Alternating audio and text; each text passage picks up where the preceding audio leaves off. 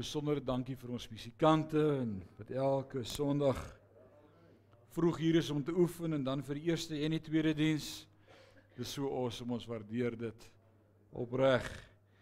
Dis 'n voorreg vanmôre om verder te gesels oor ons reeks waarmee ons laas Sondag begin het. En jy vind hom daar hy's op die bord vir jou. Jesaja 40 vers 31 is ons teks vir hierdie jaar en ek glo ons gaan 'n jaar lank kan besig wees met hierdie skrif en jy gaan na vanmôre sien hoekom sê ek so want daar is net soveel diepte in in hierdie teks. En dis ons skrif vir Sion vir hierdie jaar wat die Here vir my gegee het. Maar die wat op die Here die wat hulle hoop op die Here stel sal hulle krag terugkry. Hulle vlieg hoog soos arende hulle sal hardloop en nie moeg word nie. Hulle sal loop en nooit vermoeid word nie. En dan het ons laasweek gekyk na wat is die definisie van hierdie hoop. En dan kom ons by hierdie teks uit as ons hom so formuleer wat eintlik dan die definisie is van hierdie hoop wat ek en jy in glo wat sê maar die wat met volkomme sekerheid die soewereiniteit van 'n gawe van God ontvang het die goeie nuus glo dat Christus vir sondaars gesterf het en hom vertrou vir die verskyning van Jesus Christus die verlossing van ons liggame die volëinding van ons geregtigheid dat ons sal deel in die heerlikheid van God en dat ons die ewige lewe sal erf. As ons hierdie goed glo, sal hulle hulle krag terugkry. En jy sê saam met my amen. So ek gaan die volgende paar weke probeer om ons te help om te kyk na wat is die vrug van hierdie hoop in ons lewe. As kinders van God verklaar ons dat ons hoop het. Ons sê dit vir mekaar in gesprekke. Ons stuur dit vir mekaar 'n WhatsApp aan. Daar's hoop. Ons het hoop. Christus is die hoop. Maar as daar regtig hierdie hoop in my en jou harte is, gaan daar sekere vrugte in ons lewe na vore kom. En ek wil in hierdie volgende 4 weke praat oor vier vrugte wat ek geïdentifiseer het en ek dink daar's nog baie meer, maar ons gaan praat oor hierdie vier vrugte en dan kan ek sommer vanmôre vra wie in hierdie tyd al bietjie self gaan dink wat kan die vrugte wees van hierdie hoop en wat dink jy vanmôre is vrug? So kom ons hoor sommer 'n bietjie by jou vanmôre. Wie wil 'n klip in die bos gooi? Wat se vrug dink jy is daar van hoop? Met ander woorde as die boom hoop is, wat se vrugte produseer hy in my en jou lewe? Geloof? Blydskap? Vreugde? Liefde? Was julle by die eerste diens? Vrede? Kom ek sê vir jou watter vier eienskappe het ek identifiseer dat dit direk verband hou met hoop en ek wil vanmôre so ver gaan om te sê as ek dan die hoop wegvat kan ek nie hierdie vier vrugte in my lewe hê nie en dis dalk deel van wat die kerk van die Here Jesus Christus se fout is in hierdie dag is om te sê ons het hoop maar ons leef nie in hoop nie En omdat ons nie in hoop leef nie, produseer ons nie die vrugte van hoop nie en dan ontbreek hierdie vier vrugte, naamlik en ons het hulle gehoor, vreugde of blydskap. Die Engels sê so mooi, the joy of the Lord is my strength. Dis deel van my krag is in die blydskap, in die vreugde in die Here. Ons het daai ou koortjie gesing wat sê die Here is my krag en my besalm. Hy het my tot heil geword, né? Nee. Hom sal ek eer, hom sal ek roem, die God van my Vader, hom sal ek verhef. So vreugde of blydskap, hoop, dan liefde. As die anker van hoop nie in my lewe is nie, kan daar nie liefde wees nie. Want ek het nie hoop nie. Omdat ek hoop het, kan ek lief hê. Ons gaan daarna kyk volgende week. Dan gaan ek praat oor die vrug van vrymoedigheid. Dis nogal iets wat ek mis veral in ons gemeente, hè? Die vrug van vrymoedigheid. Jy het nie vrymoedigheid nie omdat jy nie vas staan in jou hoop nie. As jy hoop het, gaan niks jou keer om te sê wat jy op jou hart het nie. Daar gaan vrymoedigheid wees. En dan die vierde een wat ek mis in ons tyd, dan kom ek vra gou vanmôre, ons is nou vanmôre al op ons 15de dag van hierdie vas. Kan ek gou nog die hande sien? Wie vas saam met ons in hierdie tyd? Kan ek net die hande sien? 3, 4. En ek dink dis hoekom hierdie vierde vrug so belangrik is wat sê uithou vermoë. As ek die hoop verstaan, het ek ook uithou vermoë in my lewe. So ons gaan vir die volgende 4 weke oor hierdie vier vrugte praat. So om dit op 'n ander manier te probeer sê vanmôre, as ek wil sê sonder Christelike of sonder Christus as hoop in my lewe, kan ek die Christelike vreugde en Christelike liefde en vrymoedigheid en uithou vermoë oplewer nie. Ek kan nie. As die bron nie daar's nie, is dit nie daar nie. Daar's beslis ook 'n soort vreugde in die wêreld. Daar's beslis ook hierdie soort moed en liefde en uithou vermoë in die wêreld, maar dit is anders as wanneer Christus die bron is en die hoop is. As Christus die bron is van my blydskap, lyk my blydskap anders as die blydskap wat ons beleef by die ou jaarsparty wanneer die wyn vloei en die musiek pomp en die deurkusyne bewe en almal kuier te heerlik. Want van ver af kan dit ook lyk na blydskap. Jogg, hulle is baie bly. Hoekom is jy bly? Nee, ek weet nie. Daar's 'n goeie party hierdie. Ons is lekker. Maar môre gryp ons vir Asprous. Want dan het ons babbelas. En dis nie blywend in ons lewe nie. So drie vrae oor vreugde en hoop en dis waaroor ek vanmôre gaan praat dan oor vreugde in besonder en ons fokus op die eerste vrug van hoop en as teksvers vanmôre vat ek jou na een vers wat Paulus skryf aan die gemeente in Rome in Romeine 12 vers 12. Jy kan dit so maklik onthou. Sê saam met my 12 vers 12. Romeine 12 vers 12 sê die volgende: Wees bly oor die wonderlike toekoms wat God vir julle beplan. Is dit nie awesome nie? Wees bly oor die wonderlike toekoms wat Christus vir julle beplan. So kom ons probeer daardie selfde vers vat en ons probeer ander maniere kry hoe ons dit kan verstaan vanmôre. Wat kom ons parafraseer sommer 'n bietjie self en ons sê wat kan dit nog beteken? Laat jou vreugde en ag jou vreugde en vreugde wees wat uit hoop kom. Right, so jou vreugde moenie uit die wêreld kom nie, die bron daarvan moet uit die hoop kom. Kom ons sê dra dan die vrug van vreugde aan die boom van hoop. So as die boom geplant is en hy's hoop, dan is een van hierdie vrugte in my lewe vreugde. Kom ons probeer dit eenvoudig, maklik en kort sê. Wees bly omdat jy hoop het. Great. Het jy dit? Gaan jy dit onthou? Romeine 12 vers 12 sê wees bly want jy het hoop. Short and sweet. So die teks vestig 'n stewige verhouding tussen vreugde of blydskap en hoop.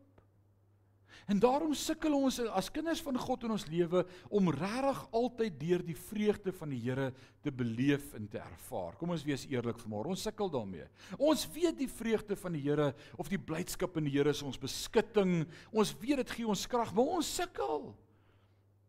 Ek bedoel, as jy wil weet of ons sukkel, kom staan net hier voor en kyk oor julle gesigte. Daar's hy. Dit lyk beter. Dit lyk of julle sukkel om te verstaan dat die vreugde van die Here julle banier is.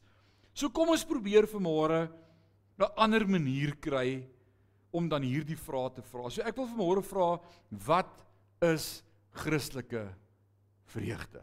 Want ons sê Christelike vreugde lyk anders as wêreldse vreugde. So kom ons vra die vraag vanmôre want uit hierdie vrae uit gaan dit ons help om by die antwoord uit te kom. Partykeer moet mense die vraag vra. So dis baie moeilik om emosionele ervarings in woorde te beskryf. Want ek wil vanmôre eers te begin deur te sê dat hierdie vreugde 'n emosionele ervaring is. Dit kom hier uit die hart uit. Dit is 'n emosionele ervaring. Maar kom ons probeer ten minste in die regte rigting probeer beweeg vanmôre met drie kontraste en ons sê vir mekaar vanmôre as ons vanmôre sê dis 'n emosionele ervaring, kom ons sê dan eers wat is vreugde nie? Ek dink dit is makliker om daar te begin. Wat is vreugde nie? In die eerste plek wil ek sê vreugde is nie 'n daad van wilskrag nie, maar 'n spontane emosionele reaksie van die hart. Het jy dit? Moet ek dit weer lees? Christelike vreugde is nie 'n daad van wilskrag nie, maar 'n spontane emosionele reaksie van die hart. Wys vir my vreugde. Mm, jy gaan sukkel. En baie ouens sukkel om vreugde te wys. Is jy bly? Ja, ek is bly, ek so bly. Ons sing dit in die kerk. Ek so bly, ek behoort aan Jesus. Maar as jy by daai deur uitstap, nê. Nee. Oh, is so moeilik. Ons sing dit mos, wat's daai koortjie? Dis so swaar om jou laste te dra, nê? So swaar om die Here te dien. Ag, maar ek's daarin bly. Waaroor is jy bly? Nee, ek's daarin bly. Ek behoort aan hom. Maar dit is so swaar. En jou gesig wys dit nooit nie. So wat is dit nie? Dis nie 'n daad van wilskrag nie. Nou maak ek jou klaar vry vir môre. Sê great, so ek hoef nie te besluit om nou bly te wees nie. Nee, dis nie wilskrag nie. Dis 'n uitvloeisel van 'n emosionele reaksie van die hart. Christelike vreugde het dit gemeen met alle vreugde het sy Christelik of nie. Vreugde is 'n oorsprong is in die hart. As ek vir my kind 'n nuwe fiets beloof het vir Kersfees en Kersfees breek aan en hy kom in die voorhuis en hier staan 'n fiets met 'n stryk aan, hoef ek nie vir hom te sê ag lyk net bly nie.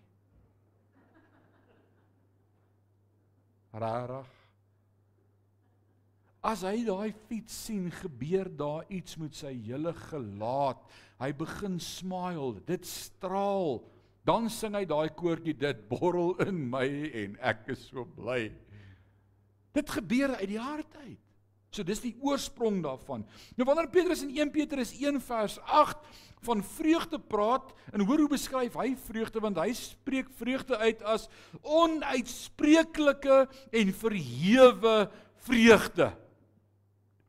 Hoe hoe hoe erg is onuitspreeklik? Daar's nie woorde nie. Eugene, hoe bly is jy?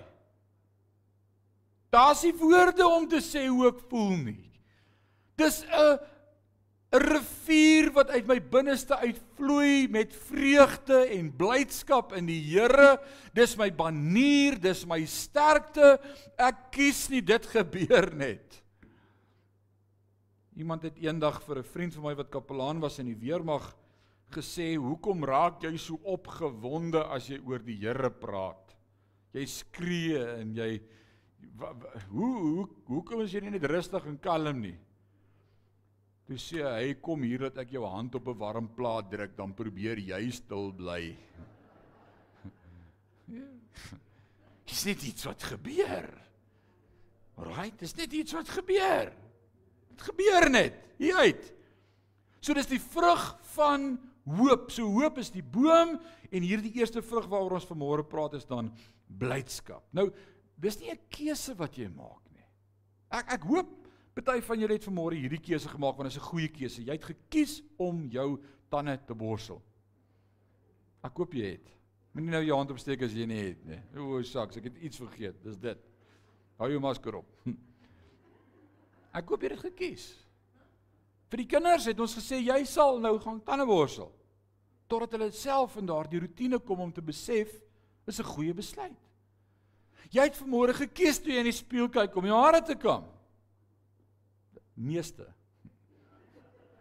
Party hoef nie eers daaroor te dink nie want hulle het nie, maar jy het gedink ek moet my hare kam, ek kan nie so uit die huis uit gaan nie. Dis 'n keuse. Maar blydskap wat uit die hart kom, wat uit ons uit borrel na vore, is 'n spontane reaksie. Dis 'n uitvloei van iets wat hier binne gebeur het. Ek hoef nie te besluit om dit aan te sit nie. Dis daar.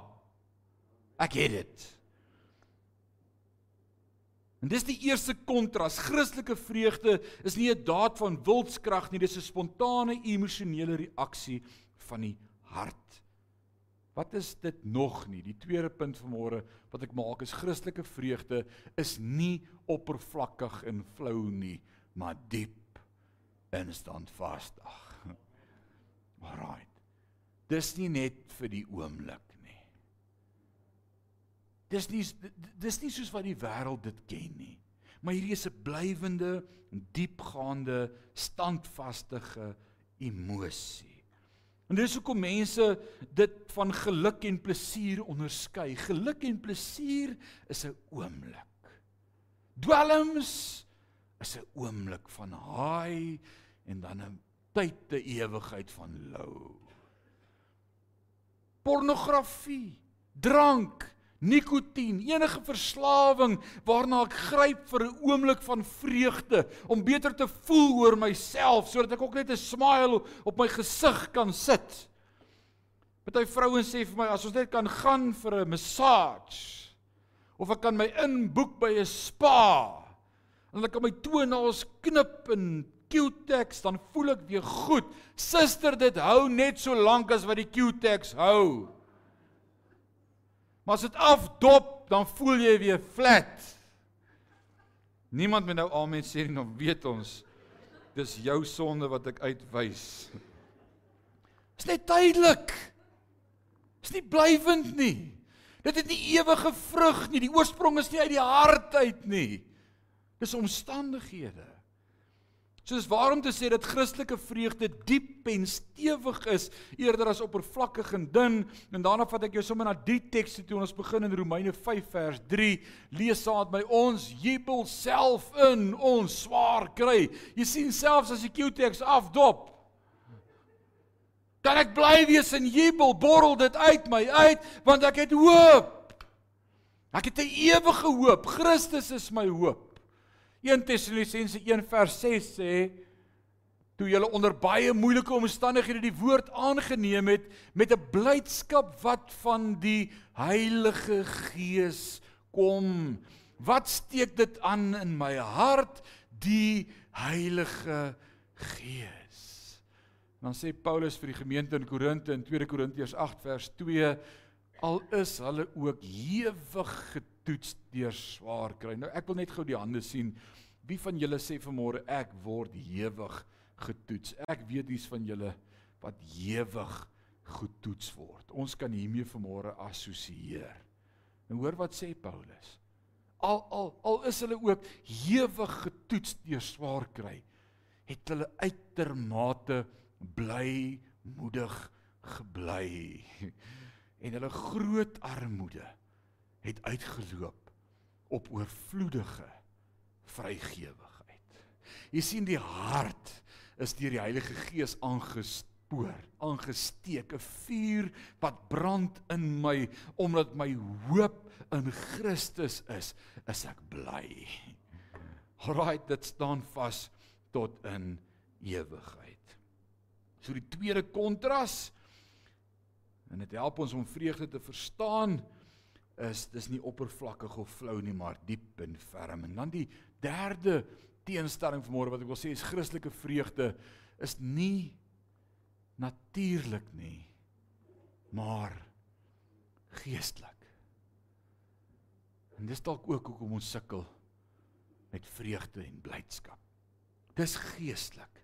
Dit onderskei Christelike vreugde van alle ander vreugdes. Wanneer iets in die skrif geestelik genoem word, beteken dit dat dit van die Heilige Gees afkom. En ons moet oppas want ons sê baie goed wil ons toeskryf aan geestelikheid of 'n of 'n gees van, maar alle geeste is nie van God af nie. Maar alle geestelike dinge is nie deur die Heilige Gees geïnspireer nie. Maar hierdie vreugde word deur die Heilige Gees geïnspireer. So maak nooit die fout om te dink dat iets geestelik is bloot omdat dit met die Gees te doen het nie. En dat iets natuurlik is bloot omdat dit met die liggaam of die materiële dinge te doen het nie. Kom ons praat vir 'n oomblik oor 'n paar negatiewe dinge. Kom ons praat oor trots. Trots se optrede, nê. Ek kan sien iemand is trots in die fisiese. Maar wat's die oorsprong van trots? Die hart hoogmoed. Jy sien dit lyk geestelik, maar is nie die gees van God nie. Kom kom ons praat oor afguns. Hoe weet jy iemand het afguns? Hy tree afgunstig op. Dis 'n fisiese manifestasie. Hy's afgunstig teenoor ander. Wat is die root, die oorsprong van afguns? Dit kom uit die hart. Dis boos. En so is dit met jaloesie en woede en twis en selfbejammering en om 'n wrok te hou of bitterheid, hebsug, haat, selfsugtigheid. Dis alles geestelike oorspronge, maar dit manifesteer in die vlees. En dit maak dit nie geestelik nie. Dit kom uit die innerlike gees van 'n persoon, maar hulle word nie geestelik in die Bybel genoem nie. Hulle word natuurlik genoem. Die woord praat van die natuurlike gees. Maar is nie God se gees nie. So ons produseer dinge volgens ons eie natuur, en so word dit natuurlik gedoen, maar iets wat geestelik is, word uit God gebore. En blydskap word uit God gebore. Jy erf dit nie. Hoekom is jy so bly mense? Haai nee, my ma was ook maar so. Nee. Nee. Hoekom het jy altyd 'n smile op jou gesig en jy's altyd moedig en jy's altyd bly? Wat wat is jou rede? Nee, ons het ons ons pa het ons pak gegee as ons nie bly was nie. Regtig? Nee.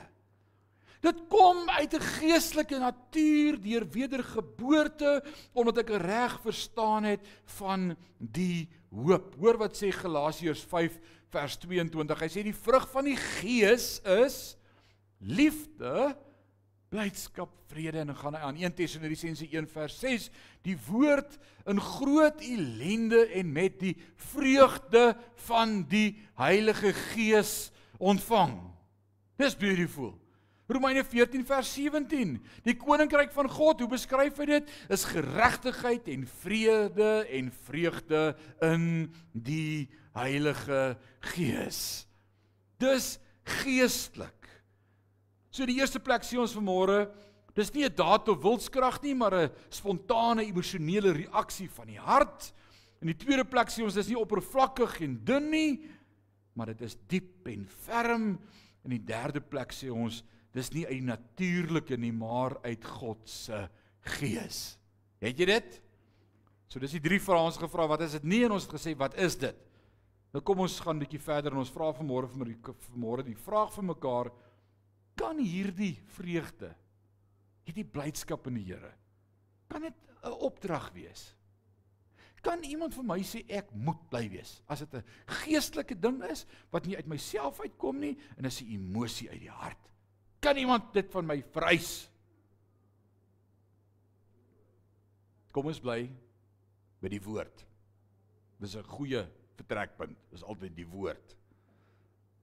Kan God ons beveel om bly te wees as vreugde nie 'n daad van wilskrag is nie, maar 'n spontane emosionele reaksie van die hart en nie 'n produk van natuurlike hulpbronne nie, maar vrug van die Heilige Gees en die antwoord en die skrif gaan vir ons help vanmôre is 'n ja. God verwag dit van jou. God verwag dit van my, maar die Heilige Gees doen dit in my hart O oh yes, kom ek help jou daarmee vanmôre. Dis 'n bevel deur die hele Bybel om jou te verheug. Die eerste keer wat Jesus aan die woord kom wat hy preek in die bergpredikasie in Matteus 5 sê hy verheug jou en wees bly. Hoekom? Want die hoop sê die loon in die hemel is groot en ek het hoop.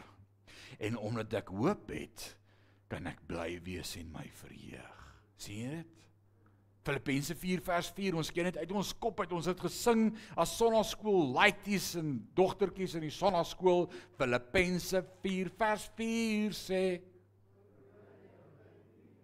Dis 'n opdrag. Dis nie as jy lus is of daaroor of so voel of nee, dis 'n opdrag. Nuwe Liewe Vertaling sê verheug jou altyd in die Here. Weer sê ek, wees bly. Stamp in die ou langs jou en sê wees net bly. Julle mis julle kansse om aan die ou langs jou te stamp. Alraait, wees bly. 1 Petrus 4 vers 13 Verheug jou soverre jy in Christus se lyding deel want jy wou nou net vir my sê maar jy weet nie wat's my krisis nie en jy sit nie in my skoene nie en jy bly nie in my huis nie en jy's nie met my vrou getroud nie. Jy's heeltemal reg, jy het al gekies. En die woord sê in alle omstandighede wees bly. Maak nie saak wat 'n pakkie vir jou uitgedeel is nie.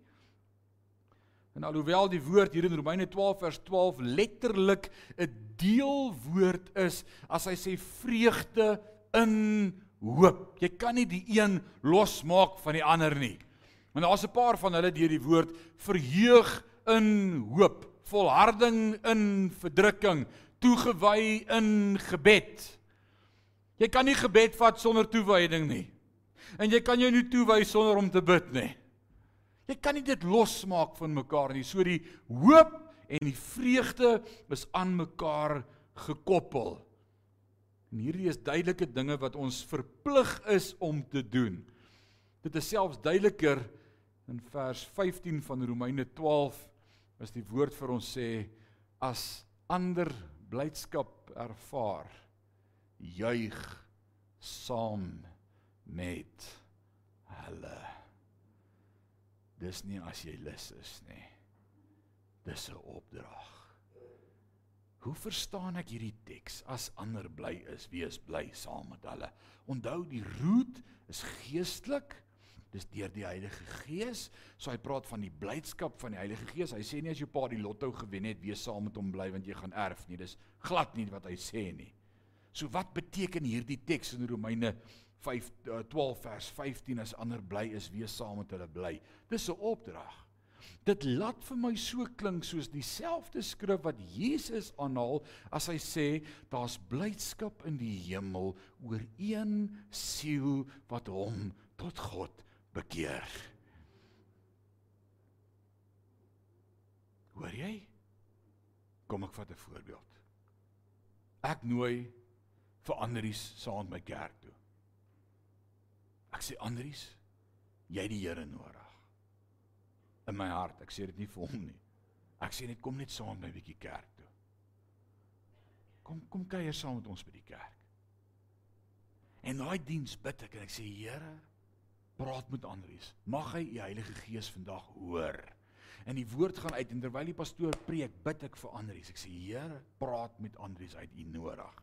En aan die einde van die preek as daar 'n uitnodiging is, staan Andries op en hy gee sy hart en lewe vir die Here. En ek sien op sy gesig, kan jy onthou toe jy jou hart vir die Here gegee het? Het moes iemand vir jou gesê het raak nou bly? O oh man, jy wou die hele wêreld tot bekering lei. Jy was bly, né? Jy het nie eens geslaap daai aand nie. Hier was iets binne in jou wat niemand kan stil kry nie. En nou is Andries bly en nou sê die woord: "Hey, wees saam met hom bly want hy het sy blydskap in die Here gekry. So dis ook 'n opdrag vir my en vir jou as medegelowiges om saam met ander bly te wees omdat hulle die hoop het. Dis dieselfde blydskap wat wanneer iemand op 'n siekbed lê, besig om te sterf en jy so by daai persoon kom en dit was al my voorreg gewees om by so 'n tannie in die hospitaal te gaan bid. Sy's deurtrek van die kanker, sy's op haar einde, sy's op pad uit, sy's op pad huis toe en sy vat my hand en sy wil amper vir my bid en my bless en ek sê nee, ek's hier vir jou en sy loop net oor van die goedheid van die Here en sy smile en sy so sy's net op pad hemel toe en sy het geen worries nie en niks wat ek nou vir haar gaan sê, ek gaan nie vir haar kan sê waterpyp by die huis het gebars wat haar smaal gaan steel nie, want sy het die ewige lewe en sy is op pad na die ewige hoop Christus. Dis die bron van my hoop. So kan hierdie opdrag vir ons beveel word en word dit vir ons beveel deur die woord ja, dis 'n opdrag. Derdens En laastens, sê amen, jy's bly daaroor. Hier kom dit. Hoe kan ons hierdie opdrag gehoorsaam? Sê jy ken nie my omstandighede nie. Jy gaan na jou huis toe. En ek na myne toe. En jy weet nie waarmee battle ek in my lewe nie. En jy weet nie wat staar ek in die oë nie. En jy weet nie wat se keuses het ek om hierdie week te maak nie. En jy weet nie hoe voel dit om te sit waar ek is nie. Nee, ek weet nie. Dalk nie. Maar dis nie 'n verskoning vir môre om te sê ek het nie die blydskap van die Here nie. Want as ek die blydskap in die Here verstaan, word dit 'n beskutting. Dit word dit, dit word my krag. Dit word die skild waarmee ek kan weerstand bied teen die vyand se werk in my lewe. So, kom ons oorweeg hierdie teks dan van Paulus in Romeine 5 vanaf vers 2 as hy die volgende sê en ek sit dit vir ons daar op die bord vreugde hoop in die Heilige Gees deur Jesus Christus het ons deurdat ons glo toegang verkry tot hierdie heerlike posisie van genade waarin ons onsself nou bevind. En ons jubel vol verwagting oor die heerlikheid wat God aan ons gaan gee. Dis egter nie al nie. Ons jubel selfs in ons swaar kry. Want ons besef dat die swaar kry ons leer om te volhard. En op sy beurt kweek volharding betroubaarheid van karakter. En betroubaarheid van karakter versterk my toekomsverwagting. En hierdie toekomsverwagting sal ons nie teleurstel nie want ons weet hoe lief God ons het. Hy het sy liefde mos in ons harte uitgestort deur sy Heilige Gees wat hy aan ons gegee het. Is dit nie amazing nie? In vers 2 sê Paulus dat hy doen wat in Romeine 12 vers 12 beveel is. Hy is bly in die hoop. In vers 3 sê hy dat selfs in my lyding is ek bly want ek weet God is besig met 'n proses en ek het hoop. Die liefde van God kies ons en noem ons regverdig en waarborg ons 'n aandeel in die heerlikheid van God dan is daar geen werk van die Heilige Gees wat in liefde van God in ons harte uitstort sodat ons dit nie kan hanteer of kan koester nie. Ons kan. So die vraag vir môre en hiermee maak ek klaar, ek beloof, dis my laaste vraag. Hoe om te veg vir die vreugde in die alledaagse lewe? Want jy sê as ek hier uitstap, sit ek nog steeds met my pyn en met my skeet en met my vrou en, en met my moeilikheid. En ek sit nog steeds in my verknorsing en ek bly in dieselfde huis en ek ry dieselfde skedonk en ek sit in dieselfde krisis. Hoe kry ek dit reg? Om vas te hou en hierdie vreugde te beleef wat uit my hart uitvloei hoe kry ek dit reg om vir my gesig te sê smile wanneer alles om my in duie stort. Hoe kry ek dit reg om positief te bly en hierdie vreugde my beskutting te bly maak as alles in duie stort? Maklik. Paulus gee vir ons Romeine 8. En ek wil vir jou daar lees van vers 31 af en as Paulus dit skryf dan was hy 'n man wat in alle opsigte ook beproef was, gestenig is, met stokke geslaan is, vir dood gelos is, skipbreek gelei het, moes dryf in 'n plankie vashou om nie te verdrink nie, kaal was, armoede beleef het. Hy het alles beleef. En maar deur alles was sy blydskap van die Here sy beskutting. Hoe kon hy dit regkry? En ek lees vir jou Romeine 8 vanaf vers 31. Wat sal ons dan sê van al hierdie dinge? Kobus, wat sal jy sê van al jou pyne? Triter, wat sal jy sê van jou omstandighede en jou krisis wat jy beleef? Hoe sal wat sal jy sê van al die hammerings wat jy moet vat as familie? Johan, wat sal jy sê van dit waartoe jy moet gaan in jou lewe? Wat wat sal ons sê van al hierdie dinge? As God aan my kant is, wie kan teen my wees? As God sy eie seun nie gespaar het nie, maar hom ter wille van ons almal oorgegee het, sal hy nie saam met hom ook al die ander dinge vir ons gee nie? Wie sal dit waag om teen ons se aanklag in te bring as hy ons uitverkies het? God is immers die een wat ons vryspraak. Wie wie, wie sal my veroordeel? Christus Jesus is tog die een wat vir ons gesterf het, wat boonop ook opgestaan het, wat op die ereplek langs God sit, waar hy vir ons pleit. Ek ek het 'n hoë priester kan enige iets enige iets my ooit skei van die liefde van Christus? Kan kan my siekte my pyn my ellende my krisis my belewenis my pensioen kan enige iets my skei van die liefde van Christus?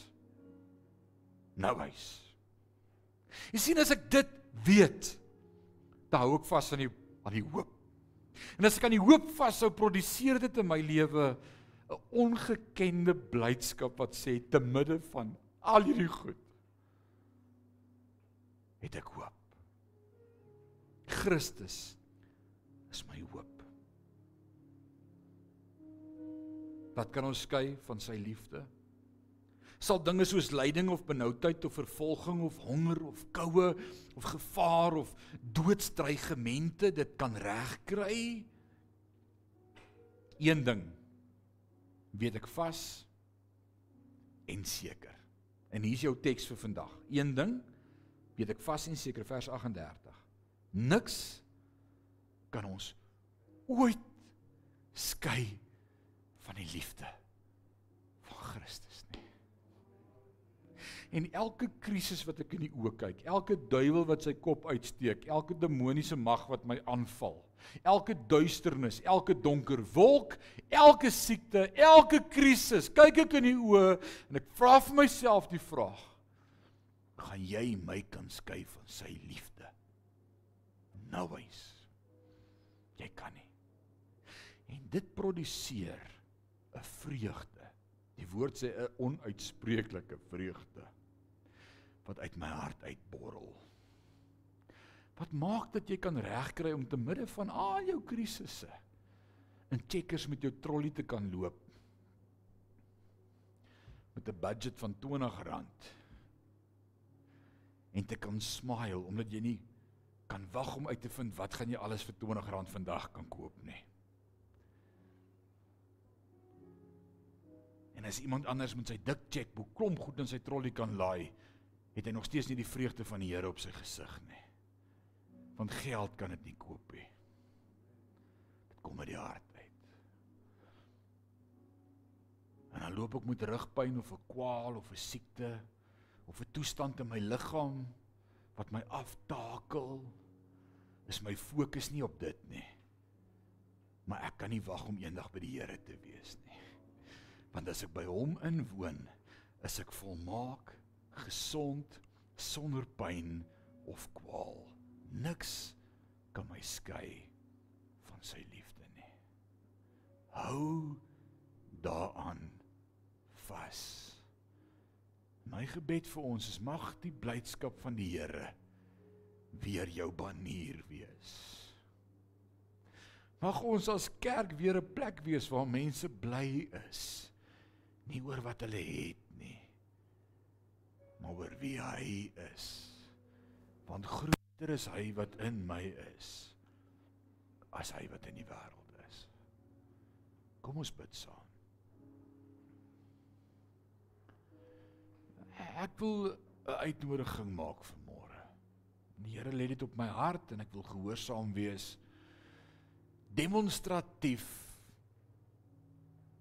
as verklaring vir môre dat jy hierdie woord jou woord maak. Jy weet in watter donker gat jy jouself bevind en wat jou krisis en ellende is. Ek weet nie, En vanmôre is dit 'n saak tussen jou en die Here, maar ek gaan 'n geleentheid gee As jy vanmôre sê, die duiwel het vir so lank reg gekry om my vreugde te steel en vanmôre hoor ek dis 'n werk deur die Heilige Gees, dis 'n blywende werk, dis 'n emosie wat uit my hart uitborrel, dis 'n opdrag van God en ek kan reg om dit aan vas te hou. Ek kan dit regkry om daaraan vas te hou.